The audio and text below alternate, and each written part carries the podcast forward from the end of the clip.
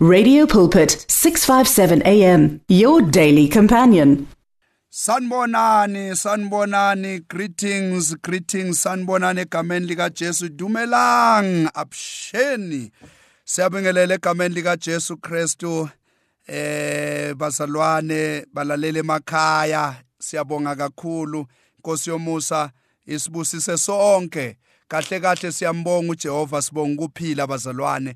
Hey yazi impilo sometimes nje ukumbonga nje uNkulunkulu uthi uyaphila. Yazi abanye bafuna ukubonga uNkulunkulu ngoba nakho sebethenga imoto sebethenga izindlu sekuyashadwa la ekhaya okanye imali eh seziyangena la ekhaya okanye mhlawumbe nakho ke eh sekunamathenda sekunamabhizinisi okanye izikolodo sezivalekile. Hey lalela impilo nje uboyibonga nje impilo.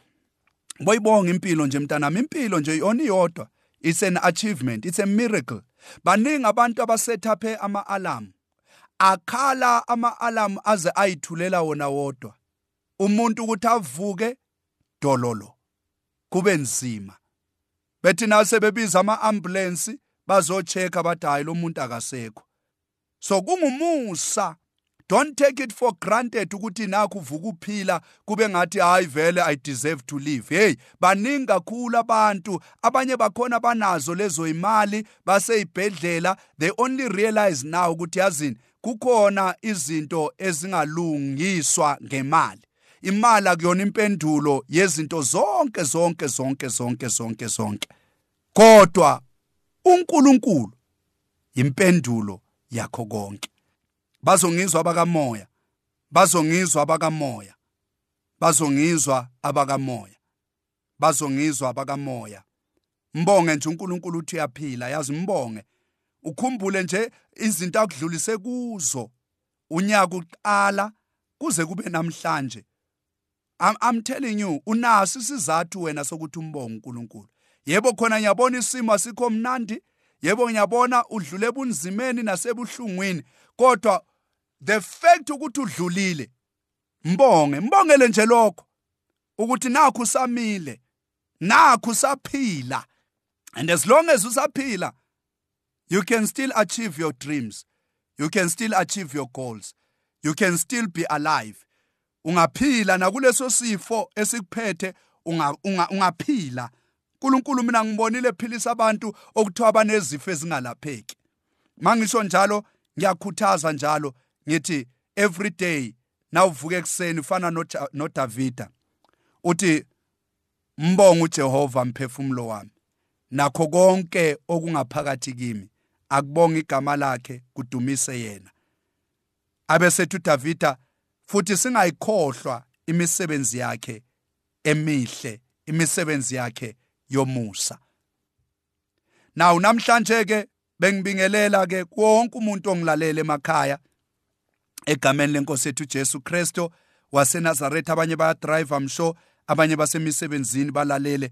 Ngithi isandla sikaNkuluNkulu asikuthintela ukhona egameni lika Jesu isimo sakho asilunge ngegama lika Jesu Kristo waseNazaretha. uNkulunkulu akakuphe ukuthula okudlula ukuqonda konke ngoba khona abanye abadingi into eziphathekayo. Badinga nje ukuthula ube nepeace that surpasses all understanding. Ngithandazela lowo moya wokuthula. Le confusion nalomoya okuba unsettled phakathi kwakho ngegama lika Jesu ngiyawukhalimela ngiyawukhuza lowo moya. Ngithi uNkulunkulu akakuphe nje ukuthula. Uyazi ube nokuthula. Khona abanye abantu abanganakuthula nje empilweni. Ngisho noma engaba nemali engakanani ngisho noma engahlala endlini enkulu kangakanani kodwa yena self akanakho ukuthula. Umbona eharasa ngisho abantu abanganalutho. Umbona eharasa ezama elwa evimba abantu abang uintimidate ngisho umuntu onganalutho. Usuyabona ukuthi lo muntu udinga ipeace akana peace lo muntu. And the absence of peace is the absence of the holy spirit. Ake ngiphinde ngoba lithi iBhayibheli where there is the spirit of the lord there is liberty. La kunomoya kaNkuluNkulu khona kunokuthula. So ungabona unganakho ukuthula signs to check ukuthi unokuthula na empilweni yakho. Bheka signs ukuthi ubone umoya ingcwele kuwe bheka ukuthula empilweni yakho. Uyazi umuntu ke abe nokuthula ngisho enganamali? Umuntu uyakwazi ukuba nokuthula ngisho phakathi kwesimo? Umuntu uyakwazi ukuba nokuthula ngisho sethenjisa ukuxoshwa emsebenzini? That's number one sign ukuthi umoya ingcwele unawe. Ngoba lithi iBhayibheli umoya ingcwele uzoba ngumduduzi. Ukududuzwa ke bazalwana kusho ukufelwa kuphela. Yebo ukududuzwa nawufelwe ushonelwe it's part of it. But ukududuzwa umoya ingcwele uyakwazi ukukududuza uphakathi kobunzima. Athi be still. And know that I'm your God. Ngamanye amazwi uhlalisa ukuthula phakathi kwesimo sakho. Uthi noma udlula njengoDavid athi noma ngihamba esigodini esimnyama sethunzi lokufa kodwa ngikwesabo kubi. In other words uthi uDavida nginokuthula ngaphakathi kwami. Ngiyawuthandazela umoya wokuthula kuwe egameni lika Jesu Kristo waseNazaretha. Cela singene encwadini yethu Mark chapter 5 from verse 5 egameni lika Jesu Kristo eh waseNazaretha. Glory to Jesus. Now lithi iBhayibheli from verse 5 lithi iBhayibheli uh, no Mark chapter 5 from verse 1 from verse 1 mlalele ekhaya Mark 5 Mark chapter 5 verse 1 lithi ke iBhayibheli bafinyelela ngaphesheya kolwandle ezweni lamagerasa. Abanye bakhumbula kahle lizothi iBhayibheli eGadara. Now lithi iBhayibheli verse 2 kwathi lapho esephumile esikebheni wahlangana masinyane nomuntu ovela emathuneni onomoya ongcolileyo. Lo muntu wayesehlala emathuneni kungasekho muntu owayengambopha ngeketango. Verse 4 ngokuba wayeseboshwe kaningi ngozankosi nangamaketango kodwa ewagqabula amaketango futhi ephula nozankosi. Kwakungekho noyedwa owayenamandla okumthambisa. Hey nkosi yami. Hey moya ingcelo waze wakhuluma enye into la njengoba ngifunda kanje. Lithi iBhayibheli le ndoda iphethwe ngamadimoni kodwa kwakungekho noyedwa owayenamandla okumthambisa. uNkulunkulu angathi angasisiza mani? Asinikeze amandla la aphiwa abapostoli elithi iBhayibheli behlangene bemoya munye kwehla umoya ingcwele wehla ngamandla amakhulu. Uzokhumbula ukuthi uJesu kubo hambani nihlale kuphi eJerusalema ningasuki nize nembathiswe ngamandla. Siyalidinga ibandla elimbathiswe ngamandla kamoya ingcwele amandla kamoya ingcwele hayi amandla athwalelwe hayi amandla ancediswayo kodwa amandla kamoya engcwele amandla ahlala phakathi komuntu. Umuntu mayesenoKristu umuntu mayedla iholy communion njalo usuke ehlalisa lawo mandla amandla kaKristu la usuke ehlalisa ubuNkulunkulu ngaphakathi kwakhe. Lithi iBhayibheli verse 5 wayesehlala njalo ubusuku nemini esemathuneni nasezintabeni ememeza futhi ezilimaza ngamatshe. Verse 6 wathi kuba ambone uJesu esebuqamama wagijima wakhuleka kuye. Wayesememeza ngezwi elikhulu ethi ufunani kimi wena Jesu ndodana kaNkuluNkulu ophezukonke na? Ngifungisa uNkulunkulu ungangihluphi. Hey idimoni lifungisa ngoNkulunkulu. Likhuluma noJesu lithi ngifungisa uNkulunkulu ungangihluphi. Muphi uNkulunkulu? Kwaphela amen verse 8 uJesu wathi kuye phuma kulomuntu moya ongcolileyo Jesu wakhuza umoya. Wathi kuye phuma kulomuntu moya ongcolileyo. Verse 9 wayesembuza ethi ungubani igama lakho na waphendula wathi kuye nginguligiyona igama lami ngokuba sibaningi. Kukhuluma idemon uJesu une conversation la. Uyabuza uthi ngubani igama lakho? Kuphendula umoya omubi uthi nginguligiyoni ngoba sibaningi. Lithi iBhayibheli noma ngime la ake ngime la bese ngiyaqhubeka ngendaba yami next week. Ake ngime nje la. Next week uyibambe siyaqhubeka. Siyaqhubeka from verse 10 now lithi iBhayibheli uzokhumbula sike safunda emavikini adlule. Sifunda eh ngoJesu ethi asiweleleni phesheya. Lithi iBhayibheli phakathi nendlela bahlangabezana nesiphepho esimangalisayo. Isiphepho esashaya umkhumbi sawushonisa ngapha sawushonisa ngale. Lithi iBhayibheli amanzi azangena emkhunjini abafundi bakaJesu badideka ukuthi manje nase kunje isimo sinje senze njani. Kodwa into engiyithanda ngabo lithi iBhayibheli bavusa uJesu bakhuluma noJesu. Angazi wena njengoba ungilalela ekhaya ukuthi wena na uvukelwa izimpi mawuvukelwa izimo zempilo endleleni mawuhlaselwa ngamadimoni nemimoya wena kahle kahle uvusa bani? Wena ukhuluma nobani? Hey Nkosi yami wena ukhuluma nobani wena? Ngoba lithi iBhayibheli laba bavusa uJesu. Angifuni ukukhuluma kakhulu kodwa siyabazi kukhona abanye abathi nabe sezimeni bayovusa abantu emathuneni. Now lithi iBhayibheli angikho lapho namhlanje. Lithi iBhayibheli laba bahlakanipha bathi sovusa lo ophilayo. Asizi ukuyovusa abantu abafile emathuneni sinesimo. Sovusa uJesu ophilayo. Now lithi iBhayibheli bakhuluma noJesu bathi awuboni ngani na? Awukhathali ngani na ngoba nakho siyabhubha? Lithi iBhayibheli uJesu wavuka siyalwazi udaba ngichazile few weeks back ukuthi kwenzakalani. Lithi iBhayibheli uJesu wakhuza umoya wathulisa nolwandle. Now lithi iBhayibheli bathe nje nabe bewela ngaphesheya. Hawu ungathi ngiyabona sebe celebrate bebonga bejabulile bephakamisa izandla bethi bayede ungcwele wena ungusimakade. Akekho njengawe akekho ongalinganiswa nawe. Phela uzokhumbula ngabazalwane laba baphethe testimony la. Bajabulile.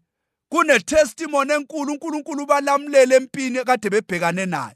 uNkulunkulu balamulele esimeni kade bebhekane naso.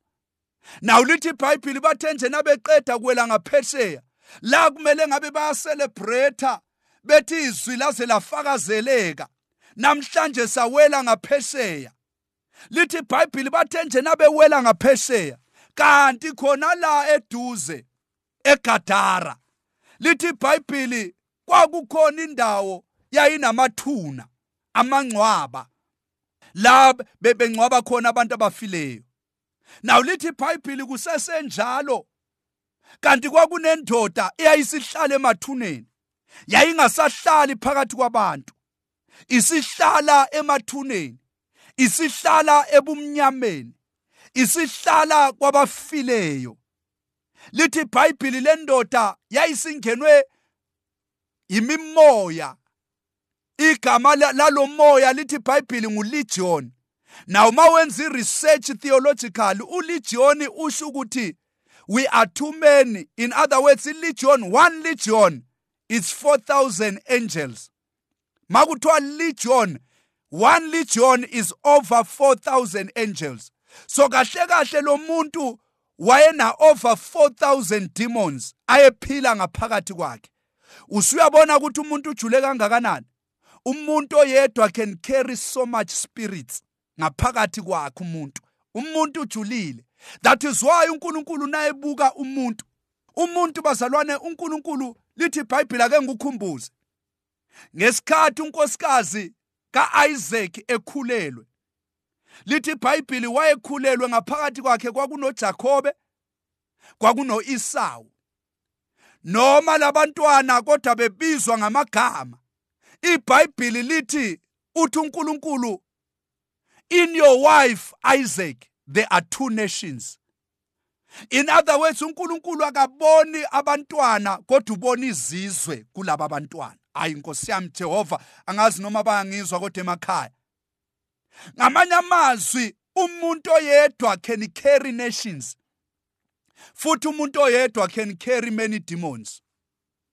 That is why umuntu ujule ngalendlela ukuthi umuntu uyakwazi ukubuthwala ubuNkulunkulu.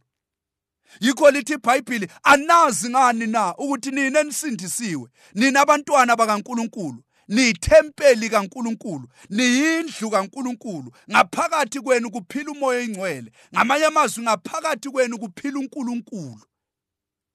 Umuntu ujulile.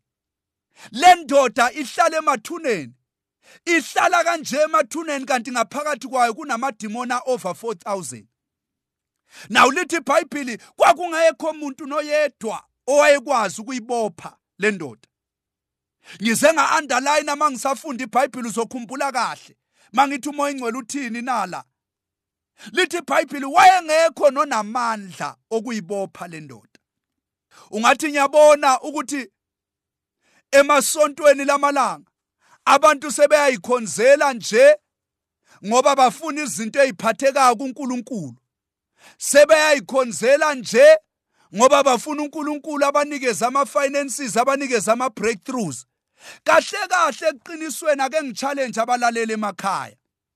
Abantu kahle kahle ukukholwa sekukufishane abantu sebefuna uNkulunkulu ngoba ebenzela. Abasamfuni uNkulunkulu ngoba enguNkulunkulu. Now lithi iBhayibheli ke angidlule lapho. Uma kuthi gu kusho ukuthi ngisho kuwe. Yebo sengishilo. Uma kuthi gu ngisho kuwe. Shintsha. Phenduka. Ungaye enkonzweni ngoba ufuna uNkulunkulu akwenzele izinto.